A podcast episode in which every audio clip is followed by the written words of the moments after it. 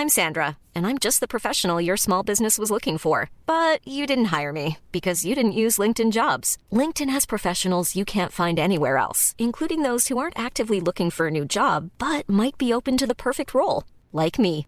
In a given month, over 70% of LinkedIn users don't visit other leading job sites. So if you're not looking on LinkedIn, you'll miss out on great candidates like Sandra. Start hiring professionals like a professional. Post your free job on linkedin.com/people today. Ready to pop the question? The jewelers at BlueNile.com have got sparkle down to a science with beautiful lab-grown diamonds worthy of your most brilliant moments. Their lab-grown diamonds are independently graded and guaranteed identical to natural diamonds, and they're ready to ship to your door. Go to BlueNile.com and use promo code LISTEN to get $50 off your purchase of $500 or more. That's code LISTEN at BlueNile.com for $50 off. BlueNile.com code LISTEN. Wow. Nice. Yeah. What you're hearing are the sounds of people everywhere putting on Bombas socks, underwear, and t-shirts made from absurdly soft materials that feel like plush clouds. Yeah, that plush. And the best part? For every item you purchase, Bombas donates another to someone facing homelessness. Bombas. Big comfort for everyone. Go to bombas.com slash ACAST and use code ACAST for 20% off your first purchase. That's bombas.com slash ACAST. Code ACAST.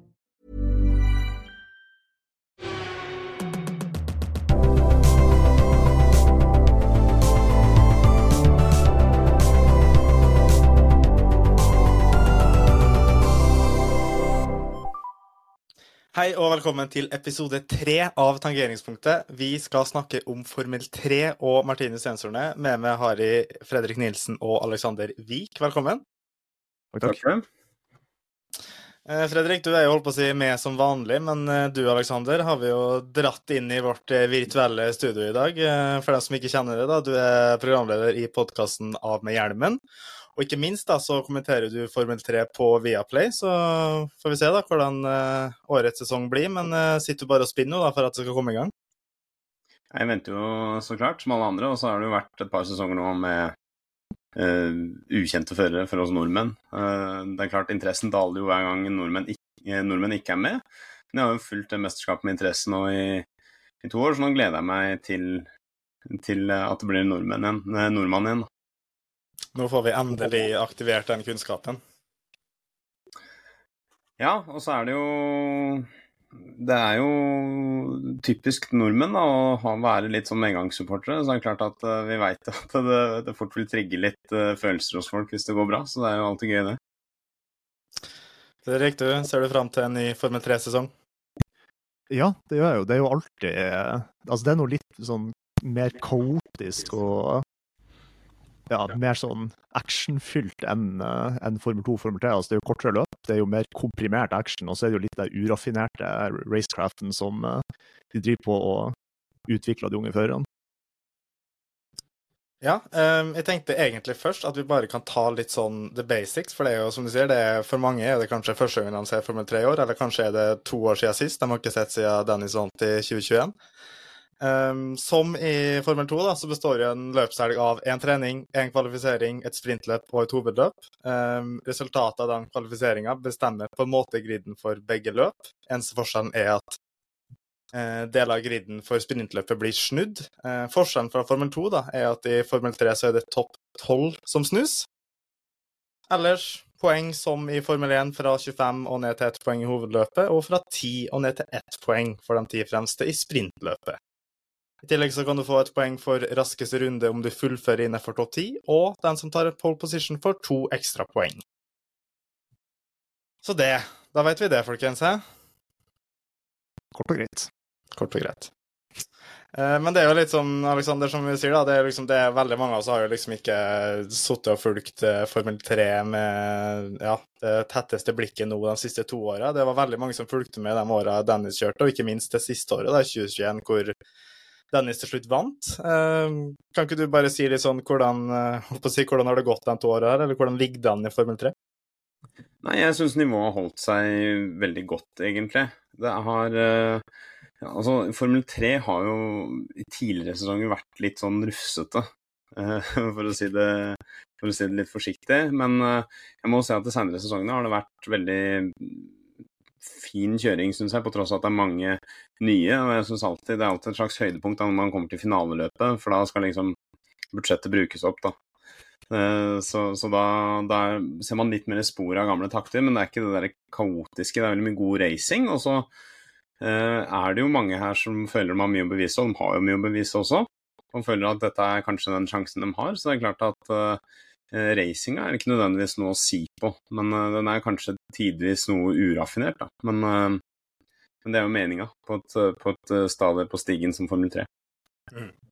Ja, altså, jeg føler alltid at det er en viss grad av kaos når man ser på Formel 3, selv om det har blitt mer raffinert. Altså, det er kanskje dømt å bli sånn, da, Fredrik, når du har liksom hva det blir 30 gira førere som må egentlig prestere, må være topp 12, topp 10, ta poeng. Det er klart, uh, noen må jo, må jo ende i barrierer underveis her.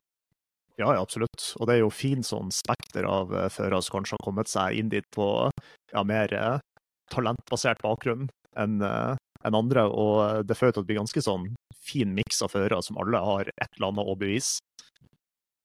Mm. Det, det, ble liksom litt mer rydda opp i det når, når Fia gikk inn og eh, rydda opp litt i den der karrierestigen. For Før så var det jo folk som kom fra eh, Euroformula Open, Formel Renault 3,5 liter. Eh, litt i hist og her, men nå er det mer naturlig at de beste talentene går via Formel 4, Formel 3 og Formel 2 for å nå målet om Formel 1. Og da får du også luka bort noen av disse ja, Det er litt tidlig å kalle det betalføre, for alle betaler jo i det mesterskapet, men eh, det er mange flere da som har med seg eh, et management, et eh, team, et, et juniorprogram, enn det det har vært før. Mm. Eh, og nå, da, som sagt, vi, nå har vi jo vår egen mann. Vi har eh, Martine Stensorne som eh, skal kjøre i mesterskapet. Eh, det er jo kanskje ikke alle som kjenner til han. Eh, vi, du har jo kommentert han allerede et år, da, Alexander, i Formula Regional Europa. Det er jo på en måte da regnes som et nivå da, mellom Formel 4 og Formel 3, som da er et steg etter hvert flere og flere tar på veien opp. Eh, hva kan du si om Martinus og hvordan han har gjort det frem til nå? Han har gjort det veldig bra. Han har vel overraska, må vi kunne si. Det var vel egentlig ingen som beregna at han skulle være med å kjempe om totalseieren i fjor. Ehm, det er klart at et, et mesterskap som Formula Regional har ikke helt liksom, innbytt på de, den beste racingen. Det er ofte litt vanskelig å følge løpene sånn tett på, for produksjonen er jo Altså i Formel 3 så følger du produksjonen fra Formel 1, mens i Euro, Euro Nei, eh, Freka. Eh, så, så, var det jo første løpet liksom fra Spania, så så det ut som en eller annen fyr sto bak barrieren med et mobilkamera. Og du så ikke startgriden, så det var litt sånn dårlig produksjon til tider. Da. Men det vi har sett av Martinus, er jo at han er eh, ganske god mentalt. Han takler å lede, og han gjør egentlig lite feil. da. Um, og så har han jo fått, fått, eh, prøvd seg på noe fighting og noe forbikjøringer og sånn, selv om det ikke har blitt så mye. Men han viste jo noe, noe takter av det nå i vinter, og han kjørte Formula Regional Middle East i, i Abu Dhabi, da hvor han endte en straff. Mm. Ja, altså, for han har jo markert seg veldig bra. Det var jo, som du sier, det var kanskje ikke så mange som forventa at ok, han skal komme her og kjempe, i hvert fall ikke mot et uh, såpass uh, allerede profilert navn da, som Andrea Kim Jansson-Elli, men det gjorde han jo. Uh, hva Altså, går han opp da, allerede etter ett år? Er det litt sånn fort gjort å få høye forventninger nå, eller hva, hva kan vi egentlig forvente nå når han kommer inn i det Formel 3-sirkuset, som vi egentlig kjenner litt bedre? Jeg tror det er viktig nå at vi ikke går helt i, i den fella som egentlig gikk i litt med Dennis Hauger. Eh, Dennis Hauger hadde på mange måter en eh, kanskje skarpere juniorkarriere fram til det nivået, i hvert fall på gokartnivå. Uh, og så uh, blei vi jo veldig hypa, selvfølgelig. Han kom inn med, med Red Bull, men uh, vi må huske litt på hva managementet De ser for seg to år i Formel 3. Det er en krevende mesterskap. Dennis Hauger ble nummer 16, tror jeg det var, første året. Så jeg tror vi skal tenke at alt som er poeng, er egentlig positivt å ta med seg. Og så vet vi jo nå da at uh, i fjor så var det jo Paul Aaron blant annet, som kom fra Formula Regional, som markerte seg ganske umiddelbart i mesterskapet og var med og kjempe om, om totalseieren. Men det er ikke, uh, det er ikke noe rookie-mesterskap å, å skulle hevde seg i, i, Formel 3 på noen som helst måte. Og det er større arenaer, det er eh, helt annet opplegg rundt. Man vet at de store teamene er der. Så mentaliteten til førerne også blir jo testa på en helt annen måte. Vi skal ta litt mer sånn om på en måte Martinus frem til nå. Det er i hvert fall litt sånn hvilken person han er, hvilken fører han er. Hva inntrykk har du fått, Fredrik? Jeg har jo fått det inntrykket at han er, han er til tider eh, han er altså, ganske rutinert for alderen, i hvert fall av de former Regional-løpene som jeg så. Eh, og som du sa, Alexander, han er jo veldig god på, vært god på å lede løpene. Han blir ikke stressa å ta eh, teten og liksom vite hvordan man skal styre løpet fra, eh, fra den posisjonen. Da. Ja, og, så, og så må vi også huske på det som kanskje er Uh, veldig tydelig i, i, en sånn type mesterskap uh, som Freka, hvor det er litt vanskelig med forbikjøringer og, og sånne ting, så, så, ser man jo mye på kvalifiseringene. Han har vært veldig rask på enkeltrunder, hadde mange pole position og var ofte med å kjempe om, om uh, pole position og var, var, ofte blant de raskeste. Og Det også vil jeg si at det er et, et kvalitetsstempel på, på, alle måter. Også, men, men, ting skal klaffe da over en løpshelg på på litt annen måte. Uh, hvis du bomma på én kvalifisering i Freka, så fikk du mulighet til en ny til neste løp. Mens her er det jo, som du nevnte i sted, Joakim, at har du dårlig kvalifisering, så er helga i praksis ødelagt. Mm. Ja, for det blir jo det er mye som er nytt da for han. Det blir liksom en omstilling. Det er sånn en ting, ja, da, det, det er noen øyne retta mot uh, Formula Regional, liksom. Men klart, når du kommer inn i det Formel 1-sirkuset her, så er det jo noe helt annet å forholde seg til med En ting er jo selve kjøringa av nytt løpsmat, men bare hele pakka rundt det er jo noe helt annet. Ja, helt klart. Ikke sant? Du har eh, Formula Regional kjører på, på, noen av de største racebanene i verden. Det har gått på Spa, det har gått på Paul, osv. osv. Uh, så de kjenner jo til det, men settingen blir liksom noe annet når det er over en Formel 1-helg. Du, du, går i paddock med, med de teama du liksom drømmer om å, å være hos. Du ser de store stjernene. Uh, du vet at det, de store Eh, teamene er der og, og følger mer med. Mm. Så, så, opplegget er noe annet. Altså, så er det klart at mediesirkus og sånn blir også noe helt annet med type pressekonferanser og, og, hele den biten der, som er et annet opplegg enn, enn i Freka. Mm. Men er det da nettopp en fordel nå da, at kanskje det er det som gjør at han kan takle det her, at han er såpass, i hvert fall har fremstått da, av både eksperter rundt om og Nicolas Tott, manager, har jo også snakka veldig mye om det, at hans kanskje største styrke er det mentale. At det gjør at den overgangen her kanskje blir litt smoothere enn det har vært for mange andre. da. Altså, Jeg syns egentlig at Martinus har litt sånn finsk lynne. Han uh, er litt sånn Han tar ikke helt av når det går bra, men han tar heller ikke helt av andre veien når det går dårlig. Uh, men det er klart, det er en lang reise, da. Uh, så, så, det er veldig vanskelig å sitte her og spå hvordan hvordan man takler det noen gang. Hvordan ville du takla det når du var 18 og skulle plutselig være på den store, store verdensscenen i bilsport? Det er litt uh... Ja, men, men jeg, altså, han har kjempeflinke folk rundt seg med management. Uh, proffe team. Uh, helt, helt, sikkert ivaretatt fra flere hold, så jeg tror det, tror det vil gå fint. altså. Mm. Ja, Vi skal ta litt sånn om det managementet, det er jo ikke akkurat uh, smågutter han har rundt seg, Fredrik? Nei, eh, managementet er jo det såkalte all road management, som da eh, ledes jo av Niklas Tott, sønnen til tidligere uh, Ferrari-teamsjefen Sean Tott, og nå FIA-president. Nei, hva, er det han er? FIA Han har vært FIA-president. Ja. Så pensjonert FIA-president, da. Pensjonert FIA-president. Uh, og det managementet, all road management, er jo også et management som ja, bl.a. har folk som eh, Charles Leclerc i seg. Det er helt, helt OK navn. Ja. Men det er liksom fordi det er jo allerede nå, da, det sier jo litt som du sier, det der med at ting profesjonelles tidligere og tidligere, og at nå er det Det er ganske mange førere i Formel 3 som har Formel 1-backing allerede nå. Um, og det snakkes allerede mye om, og spørres, spørres mye om hvorfor har ikke Martinus det her, Dennis hadde jo det på samme tidspunkt, osv., osv. Men er det kanskje litt sånn at det at han har et såpass uh, spissa management og rutinert management rundt seg, at det kan erstatte noen av de funksjonene, tror du? Jeg tror jo det, på, på et vis. Det er klart at det er vanskelig å sitte, skulle sitte her og påstå at det er en ulempe å ha en Ferrari-logo på, på kjøredressen f.eks., eller en Red Bull, men det er klart at presset blir også noe helt annet. Mm.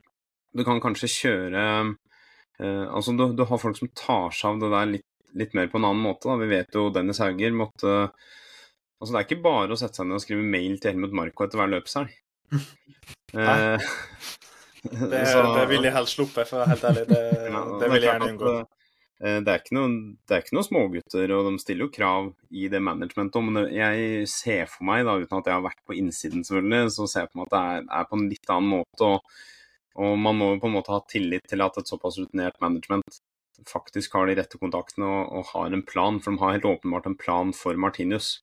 Eh, hvis ikke så hadde de ikke satsa på ham på den måten de gjør, og, og, og, lagt såpass mye i det. da, For det er jo klart mm. at det er noen penger involvert her òg, det skal man uh, ikke glemme. For selv om det er eh, bare Formel 3, så er det Det koster en 10-12 millioner å kjøre en sånn sesong hvor uh, managementet også spytter inn, inn, sin del, i tillegg til verdien av um, det managementet må ta tilgang på, være seg fysiske trenere, mentaltrenere, uh, team rundt seg. Så, så jeg, jeg, tror jo at vi bare må Vi må, må, ha lit til at han har de rette folka rundt seg. Mm. Og så må vi huske på hvilket team han kjører for òg. Det er ikke sånn at han bare har kjøpt seg inn i, i hva som helst. Han skal tross alt kjøre for Hightech, som er et veldig anerkjent team. Selv om det kanskje ikke lykkes så bra for, for eh, Dennis Hauge. Mm. Ja, for altså det at han nå får en sånn økonomisk backing, da, det, det, har han jo ikke fått tidligere. Tidligere har det vært et rent management, men fra og med da den sesongen her så går jo Allroad Management og da effektivt Nicolas Tott inn med eh, ganske mye penger for å finansiere satsinga i tillegg til den funksjonen de allerede har. Det, det, viser jo en ganske stor tro. da, altså Det er en ting å ha, ha et management, liksom, men klart når de sjøl investerer penger i den karrieren, da er det tydelig at de tror han gutten her kan nå langt. Ja, helt klart. Og nå vet vi jo ikke hvor mye de har gått inn med, men jeg tviler på at de går ut offentlig og sier at de har gått ut med penger hvis det er liksom 10 000 kroner. Nei, det, Vi må vel opp i, i, noen millioner her, vil jeg jo tro, da, uten at vi egentlig har eh, peiling. Men uh, det har i hvert fall fremstått sånn da utenfra at en ganske relativt stor del av kaka de, uh, de kommer inn med. og det, det kan vi egentlig se på bilen òg, for det er jo i forhold til eh, det Team Høyre har måttet gjort, så er det ikke sånn at her har det vært 30 eh, ulike norske sponsorer. Sånn er det jo ikke på bilen til Martinus. Der er det Allroad og dem sjøl som står for en mye større del av det. Det er det helt klart. Og så handler det kanskje litt om, om hvordan de eh, trekker i snorer i forhold til det med personlige sponsorer og sånn, om, om de ønsker å bygge eh, profilen til Martinus litt større. For det er klart at eh, Eh, det kommer til og er behov, og han har også backing, selvfølgelig. Men det kommer ikke til å bli noe mindre behov for det framover. Hvis du kommer oppover den karrierestigen, så, så koster det her penger. Man snakker om at det koster rundt 100 millioner å komme til Formel 1 hvis man lykkes. Mm. Og, og, de pengene skal komme fra et sted. Da. Ja. Så da må man ha med seg folk som har virkelig troa. Men litt sånn eh, apropos team, da. Eh, Fredrik, hva tenkte du når det ble klart da, at det var high-tech Martini skulle kjøre for i Formel 3? Nei, Hightech jeg følte jeg jo et ganske trygt og bra valg fra hans side. Eh, det kunne jo selvsagt vært eh, ja, et par tears høyere, som sier på engelsk. Prema har jo vunnet mesterskapet et par år nå. Jeg vet ikke om det er noen år på rad, men i hvert fall en god del av de siste årene har Prema gjort det generelt veldig bra i Formel 3-mesterskapet. Og ja, andre team som f.eks. Trident har jo utmerka seg der også, men ja, Hightech har ikke vært noe har ikke vært akkurat dårlig, de heller, for å si det sånn. Nei, Tott sa vel det. Altså, de ble vel nummer fem, mener jeg på, i konstruktørmesterskapet i fjor. Eh, men Tott, i hvert fall sjøl, rangerte dem jo på en måte som det tredje beste teamet, og innrømmer det at klart, hadde det vært en åpning i Premier Trident, så hadde det på en måte vært bedre, men at det på en måte er den beste muligheten under det, da. Eh, legger det på en måte opp da, til noe både da, eh, Dennis gjorde, nemlig å gå fra high-tech til Prema, og det samme har jo også Gabriele Mini gjort. Han er også i all-road management og er på en måte et lite hakk foran nå, da, det er Martinuset. Første sesong i high-tech, nå er han tittelfavoritt, en av tittelfavorittene i Prema. Er det nesten sånn at allerede nå det ser ut som en sånn liten plan, som en den toårstanken da, fra allroad? det er, jo, det er jo veldig vanskelig å vite hva de tenker. og så det er klart, som dere sier, at Prema har jo vært der oppe hele tiden, og nå fått veldig, veldig mye konkurranse av Trident-teamet. Men eh, Hightech er, er, et bra team. De har ikke hatt kanskje de beste førerne. Eh, og så hvis vi ser Hvis du tar Gabriel Mini som et godt eksempel. Han begynte Han gjorde noen kjempekvalifiseringer i fjor. Han gjorde noen veldig gode eh, enkeltprestasjoner, enkeltløp. Men han gjorde også en del feil Mm. som kosta mye. F.eks. i Bahrain, første løpet, så ståler han. Eh, og, og må starte bakerst, og da i praksis da så kaster du bort da sant? Man kan jo på en måte spekulere da hvor høyt opp han hadde kommet. Jeg husker ikke om han hadde pole position eller, eller hvor høyt opp han var, men det var i hvert fall oppe og nikka. Mm. Og, det, og gjort en sånn, noen sånne førefeil. Da. Jeg, når jeg eh, så Gabriel Mini i starten av sesongen, hvordan han kjørte, så lanserte jeg han som kanskje en av tittelkandidatene, men så ble han for Mm. ujevn. Eh, relativt fort, egentlig. da. Mm. Så, Så ja.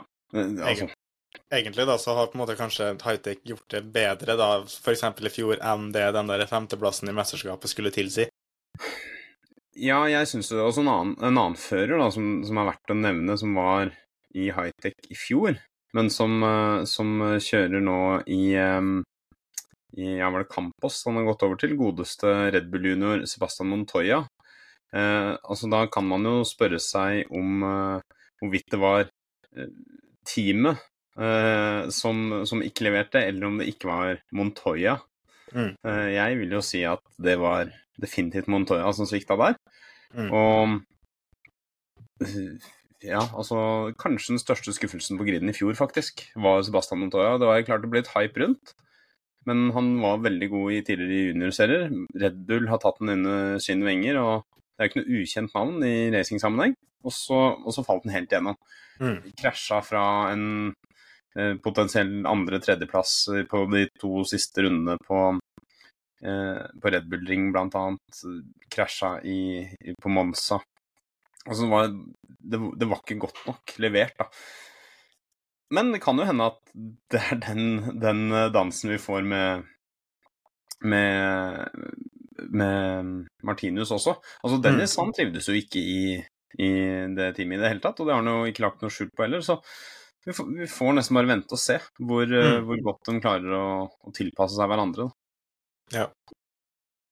Eh, jeg tenker egentlig det er en god anledning til å begynne å dra oss litt inn på lyttespørsmålene. fordi vi spurte om det i ulike sosiale medier, og det har vi også fått. Snakk gjerne litt om Luke Browning.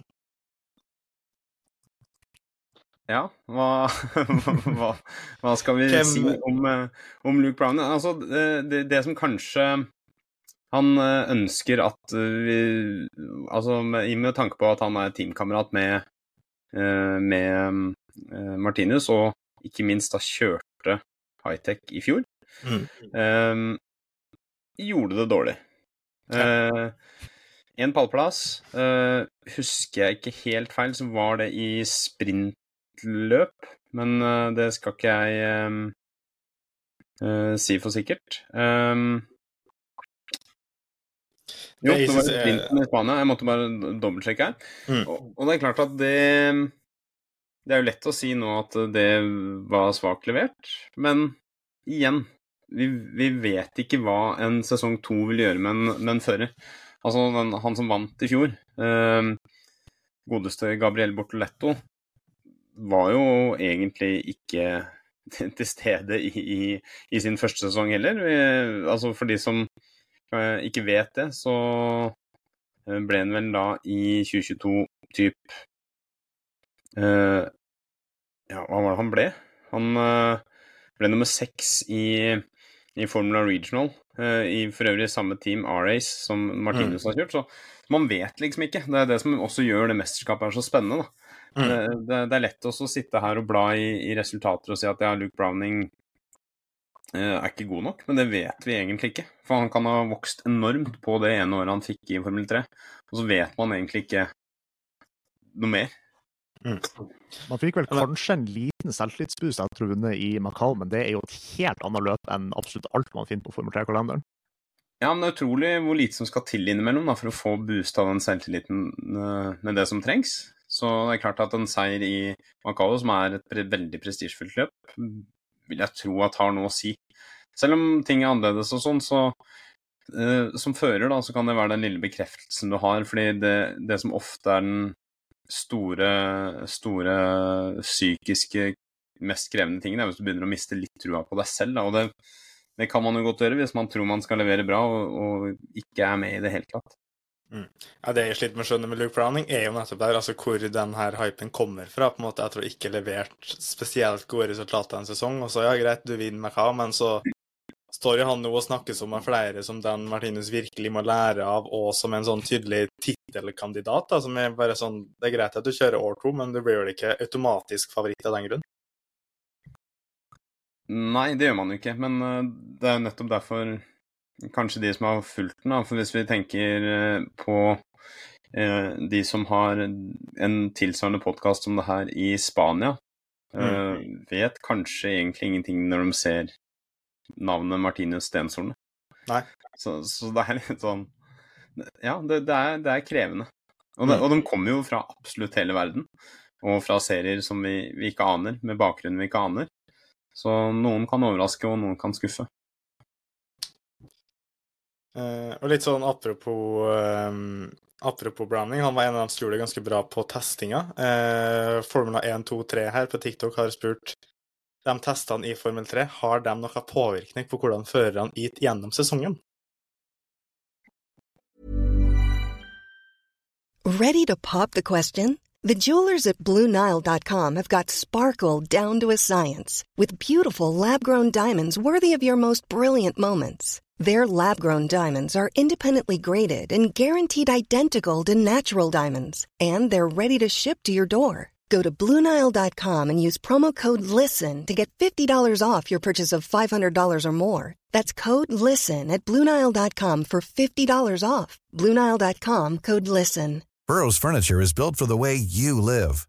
From ensuring easy assembly and disassembly to honoring highly requested new colors for their award winning seating, they always have their customers in mind. Their modular seating is made out of durable materials to last and grow with you. And with Burrow, you always get fast, free shipping. Get up to 60% off during Burrow's Memorial Day sale at burrow.com slash ACAST. That's burrow.com slash ACAST. burrow.com slash ACAST.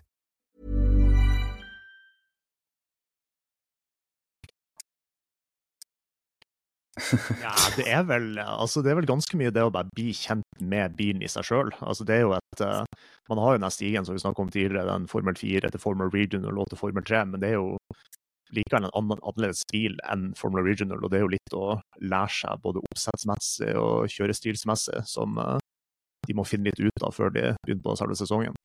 Mm. Og så er det jo, altså Hvis vi syns det er litt gjetting å, prøve å gjette hvordan de har gjort det tidligere, så er det i hvert fall gjetting å, å se hva de har gjort på test. Vi aner ikke hva de har prøvd ut. Eh, hvor mye bensin de har tatt, hva slags type simuleringer de har kjørt, hva de har gjort. Det er klart at alle har gjort sine pushrunder, men likevel med helt forskjellige forutsetninger på forskjellige ting. Så det er klart, Luke Browning er rask, han har vunnet i Macau, så han, han kan jo kjøre racerbil.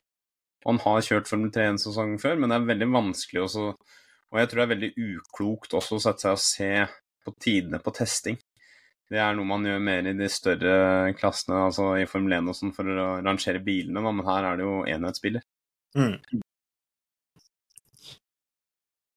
Eh, så er det også litt tilbake til Martinus, da, eh, med tanke på kjørestilen. Eh, Fredrik Aunegård spør hvordan er kjørestilen til Martinus, og så påpeker han at det ble noen straffer på han i Formula Regional Midtøsten. Så lurer han da på får vi se spisse albuer og gode forbikjøringer, eller blir det mye straff for han i Formel 3?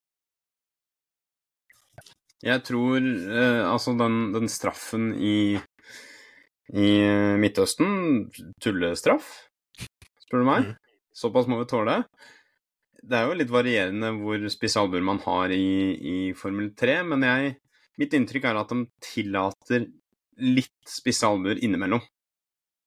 Uh, det blir mye straffer. Det vet, det vet vi ikke. Altså det kommer helt an på, men jeg tror ikke Martinus er noe redd for å, å gå under fight. Men det gjelder også å være smart. Huske at det er en lang sesong, ikke sant.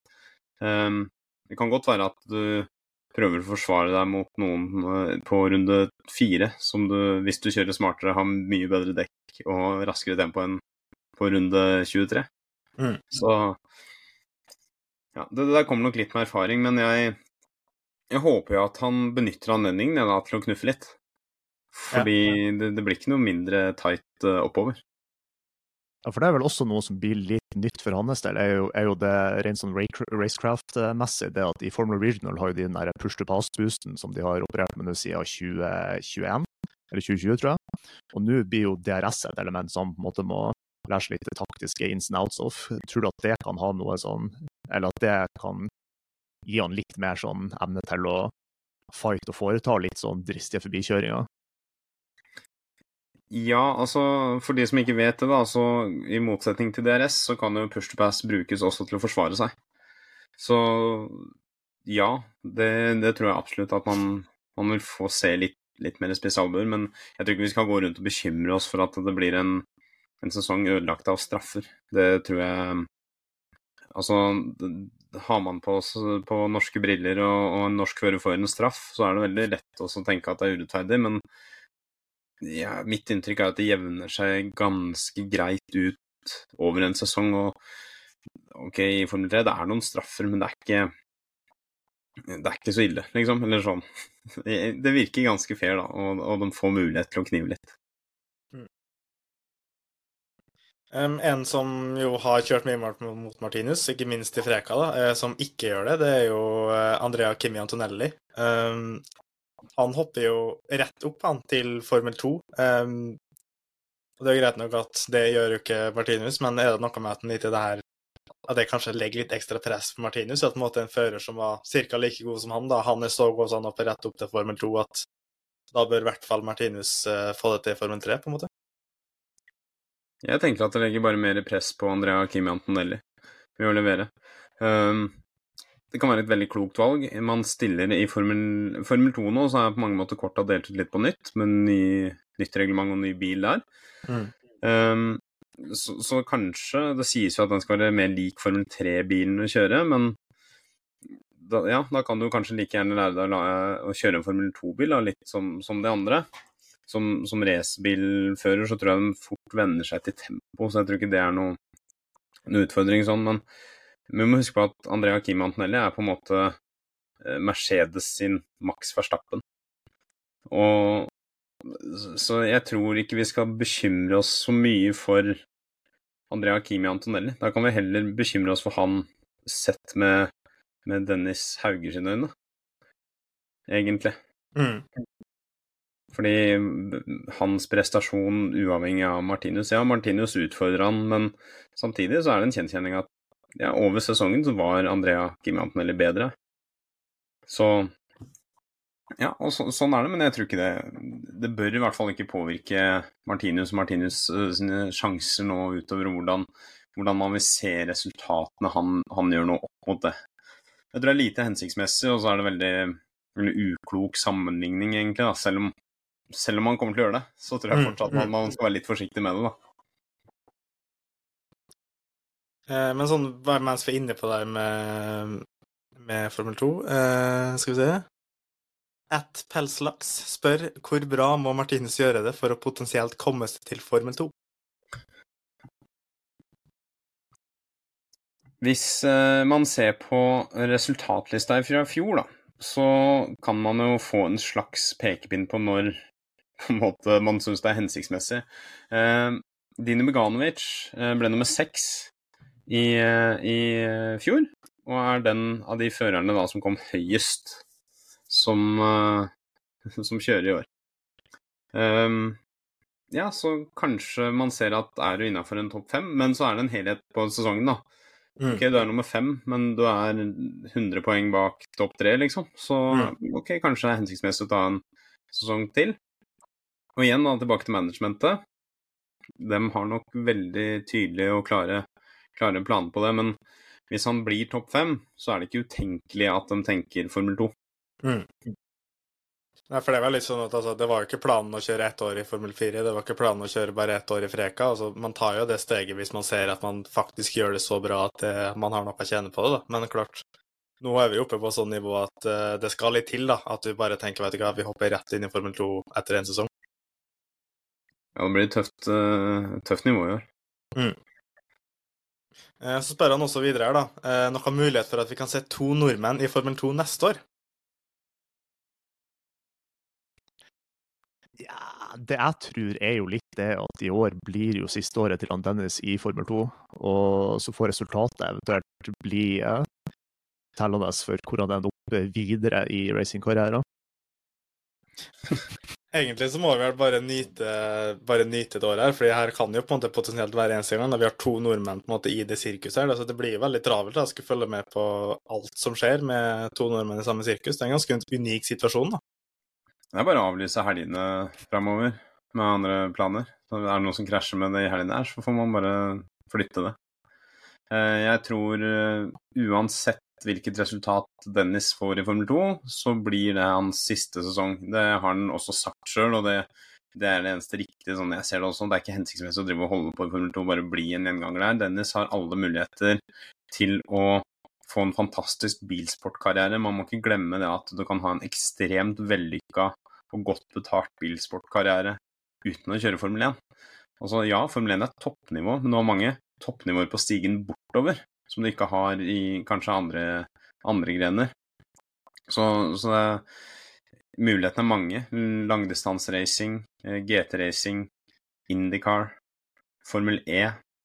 Så jeg tror ikke vi skal være så bekymra for fremtiden til Dennis. Så ja, selv om mange vil kanskje oppleve det som en skuffelse hvis det ikke blir Formel 1, så uh, får man bare Ja, altså Man må akseptere at sånn er racingverden. Mm. Uh, vi kan gå over litt på litt spekulasjon her. At Sivikiv på Twitter spør hvem er favoritter til Formel 3-tittelen? Ja, det er jo litt godt spørsmål. Vi har jo mange navn eh, som har både tatt pallplasser og vunnet i fjor, men som vi nevnte tidligere, det er jo vans relativt vanskelig å være Eller ikke vanskelig å være, det er en god del folk som ikke er veldig konsekvent resultatmessig i løpet av, uh, i løpet av sesongen, i hvert fall. Og jeg vil jo hive meg litt på det som du sa i stad, Alexander. Det at Stino Beganovic som kom på sjetteplass, er jo den, en av de høyeste som, altså, i sammendraget fra i fjor, som enda kjører i år. Jeg tror at han stiller jo veldig sterkt, både erfaringsmessig og ferdighetsmessig, til årets sesong. Ja, I hvert fall to, to, av tre førere i Prema må finne seg å være favoritter. Kanskje tre av tre. Sånn er det. I, i fjor så ikke sant, Paul Aaron uh, kom fra Freka og var lenge med og kjempa om, om seieren, da, helt til dette, denne store mørke hullet som heter siste løpshelg, hvor det gikk alt. Um, men, uh, men, han var med å, kjempe om uh, seier og pallplass, og ble da som sagt nummer tre. Og så det, man vet ikke, men, men, de må nok, i hvert fall de tre, må finne seg i å være favoritter. Og så Jeg tror ikke vi skal skjemmes over å, å håpe på at det kan bli både pallplasser og, og seire på Martinius, men vi jeg tror, jeg tror ikke vi liksom skal gå rundt og forvente at sånn blir det heller. Hva, hva skal vi forvente av Martinus, da? Vi skal forvente at Martinus eh, har en god progresjon. At han eh, viser det gode tempoet han har hatt, både på enkeltrunder, men også den gode løpserfaringa. Og så skal vi forvente, eller jeg mener at vi bør forvente at han er innafor topp ti med jevne mellomrom. Mm. Eh, egentlig også på, på, kval. Og det er klart at hvis han kvaler som nummer tolv i Bahrain, så er det jo mulig at vi får en kjempeboost med at han får en veldig god start på sesongen ved å da starte først i sprintløpet. Mm. Eh, men, men, jeg tenker at eh, vi skal være fornøyd med, med topp ti, i hvert fall første, første halvdel av sesongen, altså. Mm. Hva tenker du, Fredrik, når er det du sitter og begynner å forvente pallplasser og seire fra vår mann? Ja, det blir jo det at Hvis han viser et veldig godt tempo på kvalifiseringa og ender opp på griden, enten om det er via reverse grid eller vanlig grid, i posisjoner som på en måte legger opp til at han kan være med og kjempe om både pallplass og seier, så vil jeg jo ikke forventer kanskje, kanskje, ikke rett fra starten av, men sånn etter et par løp, hvis man ser at det er en trend at han har veldig godt tempo, så blir jo de forventningene å vokse like altså, i takt med løpshelgene, tenker jeg. Mm. Jeg tror vi skal gi, gi oss selv eh, og Martinus litt tid til å, til å komme inn i, inn i gamet igjen. Um, og igjen, jeg, jeg, for, jeg, vil kalle meg selv forsiktig optimist. da. Mm. Vi vet hvor god Dennis Hauger eh, er, og hvor god han var, men likevel så, så funka det ikke for han i Prema. Vi kan oppleve det samme med Martinius. Det kan også hende at vi får en helt annen opplevelse. Så, så, jeg er forsiktig optimist. Men jeg tror ikke vi skal være Vi skal ikke gå rundt og være skuffa hvis vi innser at det er noen som, som er raskere, i hvert fall i starten. For det er mm. beintøft. Ja. Litt sånn apropos Dennis, da, som vi snakka en del om. Det blir naturlig, for han er på en måte den som har gått opp den ruta her, og som på en måte Med norske øyne, da, så er det han på en måte som har bana vei nå for at andre kommer inn. Uh, hva tror dere på en måte at Stensorene og teamet rundt Stensorene kan lære av det Dennis Hauger og teamet Hauger har gjort, eller er det bare sånn at det er to helt forskjellige reiser, og at de ikke har så mye med hverandre å gjøre som det vi har lyst til å tenke at det har? Ja, hvis ikke jeg husker helt feil, så var vel sesongen til han, første sesongen til Dennis i Formel 3 var litt prega av den der eh, Hadde vel en bil som ikke var helt optimal eh, topphastighetsmessig, som ble en slags snøballeffekt. At eh, han sleit egentlig ganske mye på baner som ikke var, eller som var ganske rask. Og den ene pallplassen han tok, var jo i Ungarn, eh, som en ja, mer teknisk bane og ikke så hastighetsorientert. Eh, så det kan jo fort hende at han, Martinus ikke får det tilfeldige elementet over, eh, over, seg i sin sesong. Og for alt vi vet, så gjør han det plutselig mye bedre enn Dennis, men så kan tilfeldighetene slå imot han også, at han plutselig gjør det mindre bra i forhold til hva Dennis gjorde i sin første sesong. Mm. Og så er det greit å huske også omstendighetene som Dennis fikk sin første pallplass i. Uh, han falt bakover i det løpet, og så var det en fører foran som fikk ti sekunder tidsstraff, og så ble løpet da avslutta bak sikkerhetsbilen. Da er er det fint å ligge som nummer fire. Det er fordelaktig. så, så, uh, så, så, ting kan skje, altså. Det er, men, men, igjen, da, vi vet ikke med teamet, vi vet ikke med bilen, vi vet ikke hvordan det fungerer. Ja, og så har vi sett da, på tester nå at han, han har lagt inn noen bra tider, men vi aner ikke hva de andre har gjort. Så det blir så spekulativt. da, ikke sant? Vi så på noen av, av uh, stintene, så var de langt bak. Men det kan godt hende at det var meninga. Kanskje de testa mm. race pace, kanskje de ikke gjorde det engang. Bare de testa alt. Ja, Det vet vi at testresultat det telles ikke, med mindre vi har en nordmenn på topp. Da er det selvfølgelig da er det veldig viktig. Men, uh, ja, Da er det bare å kjøpe billetter til Formel 1 i 2025, faktisk. Rett og slett. Eh, vi skal se litt sånn på kanskje det vi kan sammenligne Martinus med, og det er jo rookies. Eh, og dem er det mange av i Formel 3. Eh, jeg lurer på om det er opp mot 17 rookies. Eh, det er i hvert fall ufattelig mange. 17 rookies, ja. ja. Hvem er det på en måte her vi må se til? Hvem er det vi Hvem er det som på en måte kan være de skarpeste konkurrentene i den gjengen der, da? Det kan være mange, vet du. Eh, vi, vi, kan jo begynne med eh, eks-teamkompis. Mm. Eh, Team Tramnitz. Mm. Eh, skal kjøre for MP Motorsport, et uh, team som uh, gjør det bra. Dennis Hauge kjører for det nå. tatt under Red Bull sine vinger. Han, han, er rask. Han var, i hvert fall mot slutten av sesongen i fjor, helt på på nivå med Martinez, vil jeg si. Og, mm. og utfordrer han både på kval og løp. Eh, kanskje totalt sett over en enkeltrunde at han, han, var litt bak, men ganske jevn i race pace. Um, men igjen, uh, ikke sant, du har uh, Sami Megatonif, Santiago Ramos som han kjørte med. Uh, nå Leon. Altså, det, er, det er kjempevanskelig å vite hvem er det av disse her som, som, kan skinne, da. Og det er jo litt sånn som vi har sett med, med Dennis uh, Hauger, ikke sant. Han kan, kan plutselig skinne. Noen kan gjøre det mye bedre enn man forventer. Så vi får bare, bare se. Jeg veit ikke hva du tenker, uh, eller dere tenker.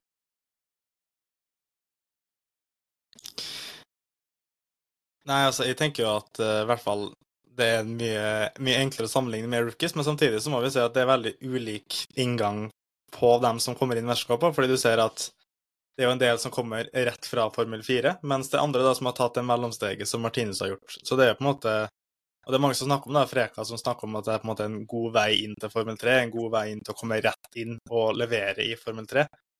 Og da er det kanskje lett å tenke at dem som kommer fra Formel 4, i større grad trenger et ekstra år. Men så har du jo sånne stjerneskudd da, som Arvid Lindblad, som er liksom inn, inn i Red Bull og skal rett inn i Prema, og sannsynligvis kommer sikkert til å gjøre det veldig bra. Så det er jo, det er jo bingo og spas, selvfølgelig. Men det er i hvert fall nok av navn å følge med på, det er det ingen tvil om. Ja, og så, og så vil jeg bare igjen da, minne folk på, som, for de som ikke har sett mye på Formel 3 uh, nå mot nå de siste åra, og med unntak av når Dennis uh, Hauger uh, gjorde det såpass bra, det tighter seg til når du begynner å snakke mesterskap mot slutten av sesongen. Mm. Logan Sergeant, mener jeg, eh, har en litt sånn undervurdert rookie-karriere. Fordi han krasja jo med Oscar Piastri i de, siste, de to siste løpa, tror jeg. De kjørte i hverandre. De, eh, som gjorde Altså, for der var det dødt løp hele veien. Og jeg tror at Logan Sergeant hadde vunnet Formel 3 Eh, det året. Jeg tror, tror, likevel nå det viser seg at eh, Oscar Piastri er en bedre fører, da. Mm. Men, men, det er lett å liksom eh, Altså, én ting er å være rask og vinne en del løp, men det må være jevn. Gabriel Bortoletto, hvis man ser den resultatlista hans, han vant ikke så fryktelig mange løp, men han var utrolig god til å skaffe poeng mm. i da den andre sesongen sin. Han har lært litt, lært seg å lese løpene. Han uh, han gjorde det utrolig bra, og da, da hadde han mer å gå på. Så når, når, når verden rakna rundt han på, på, finaleløpet Han var jo langt bak, for da hadde han jo allerede blitt kåra til mester. Det holdt vel at han egentlig tok ett poeng, eller tror jeg det var, uh, på, på siste løphelga. Og, og det var så mye krasjing rundt, og han lå egentlig bare bak der. Men han kom høyt opp på resultatlista på de enkeltløpa fordi andre krasja og gjorde så mye feil. Da. Mm. Så jeg tror ikke vi skal sette to streker under svaret før vi er godt inn i siste halvdel av sesongen. Vi tar et uh, nytt lyttespørsmål, denne gangen fra at Mats J05. Hvilken plass tror dere Stensårene kommer på i førmesterskapet? Uff. Fem. Oi, det er høyt. Du har jo nylig sagt at uh, topp fem kan holde for å gå til Formel 2, så kan vi spørre om det. da. Tror du Martine Stenstrøm kjører Formel 2 neste sesong? jeg satte meg sjøl i offside. Uh. Igjen, må, det er kjedelig da, å gjenta seg selv på det, men jeg tror at det kommer an på helheten på sesongen. Mm. Jeg tror han kan uh, fint skaffe nok poeng og være god nok, men så må, jo, må man jo se på om enkeltresultatene er gode nok. Det er en grunn for at Dino Beganovic fortsatt er i Formel 3 f.eks. Mm. Og Gabriel Mini. Hva tror du, Fredrik? Nei, jeg tror han, uh, Mens vi snakker om Dino Beganovic, så tror jeg han gjør det samme som han gjorde. Jeg tror han kommer på en sjetteplass sammenlagt. Mm. Da er jeg pessimisten i gruppa. Jeg tror Martinus blir nummer sju. Eh, men jeg tror han blir beste rookie. også og så eh, i 2025, da, da blir det seier i Formen 3. Jeg håper du har rett. Jeg håper egentlig jeg har rett, da, i og med at jeg tippa høyest. Men jeg håper litt, litt at du har rett, at, at det kan bli en seier. La oss håpe at det er en eller annen optimistisk lytter som sier uh, seier i år har rett. Det er jo det vi egentlig alle håper på. Absolutt. Det er det vi håper på. Men da, gutta, da er vi klare for en ny Formel 3-sesong, da? Oh yes. Ja, det er lenge siden jeg gleda meg såpass til eh, Formel 3-sesongstart uh, som nå. Det er, jo, det er jo som vi har snakka om tidligere, altså folk må jo, hvis dere ikke har gjort det enda, folkens, altså rydd kalenderen. Vi kan ikke drive og ha andre plikter. Det, det er ti helger i år der det er både Formel 1, Formel 2 og Formel 3, og da skjønner jo alle at da kan man ikke ha noe annet å gjøre. Det går ikke. Og så vil jo jeg faktisk, selv om det, jeg kanskje er litt eh, ikke er helt upartisk, da, så vil jeg slå, slå et slag for å faktisk se noen av de løpa. Man trenger ikke å se hele hele Formel 3-sesongen, men jeg anbefaler også å følge litt med på det mesterskapet innimellom. Fordi For det første så er det førerne som er de som skal opp og fram, og så er det faktisk eh, en del god racing i, i noen løp, altså. Um, og spesielt, eh, spesielt mot slutten av sesongen. Ja, Det må vi jo bare anbefale på varmeste. Skru på Viaplay. Hør på Alexander Wiik og andre kommentere. Det er ikke kun fordi at han er i studio nå, men uh, tenk også på det. Når du skal følge en nordmenn, så er det en fordel å ha en norsk kommentator som faktisk følger med. Si hvis ikke Martin Martinus ligger topp tre, så er det ikke nødvendigvis sånn at alle andre følger så veldig nøye med på det han gjør. Det fokuset det får du faktisk med norsk kommentering. Hvis ikke så skal du selvfølgelig få med deg alt på formel1.no og i podkasten. Vi må jo snakke mer om Formel 3 i år, Fredrik. Det må vi absolutt. Fantastisk.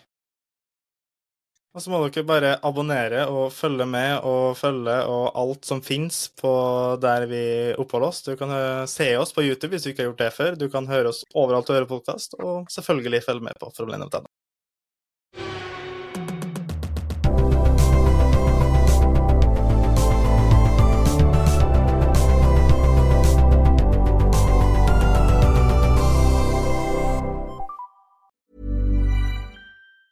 Hey, it's Danny Pellegrino from Everything Iconic. Ready to upgrade your style game without blowing your budget? Check out Quince. They've got all the good stuff shirts and polos, activewear, and fine leather goods, all at 50 to 80% less than other high end brands. And the best part? They're all about safe, ethical, and responsible manufacturing. Get that luxury vibe without the luxury price tag. Hit up quince.com slash upgrade for free shipping and 365 day returns on your next order. That's quince.com slash upgrade. Hi, I'm Daniel, founder of Pretty Litter. Did you know cats tend to hide symptoms of sickness and pain? I learned this the hard way after losing my cat, Gingy. So I created Pretty Litter, a health monitoring litter that helps detect early signs of illness by changing colors, saving you money and potentially your cat's life. Pretty Litter is veterinarian developed, and it's the easiest way to keep tabs on your fur baby's health right at home. Go to prettylitter.com and use code ACAST for 20% off your first order and a free cat toy. Terms and conditions apply. See site for details. When you make decisions for your company, you look for the no brainers. If you have a lot of mailing to do, stamps.com is the ultimate no brainer. Use the stamps.com mobile app to mail everything you need to keep your business running with up to 89% off USPS and UPS. Make the same no-brainer decision as over 1 million other businesses with stamps.com. Use code program for a special offer. That's stamps.com, code program.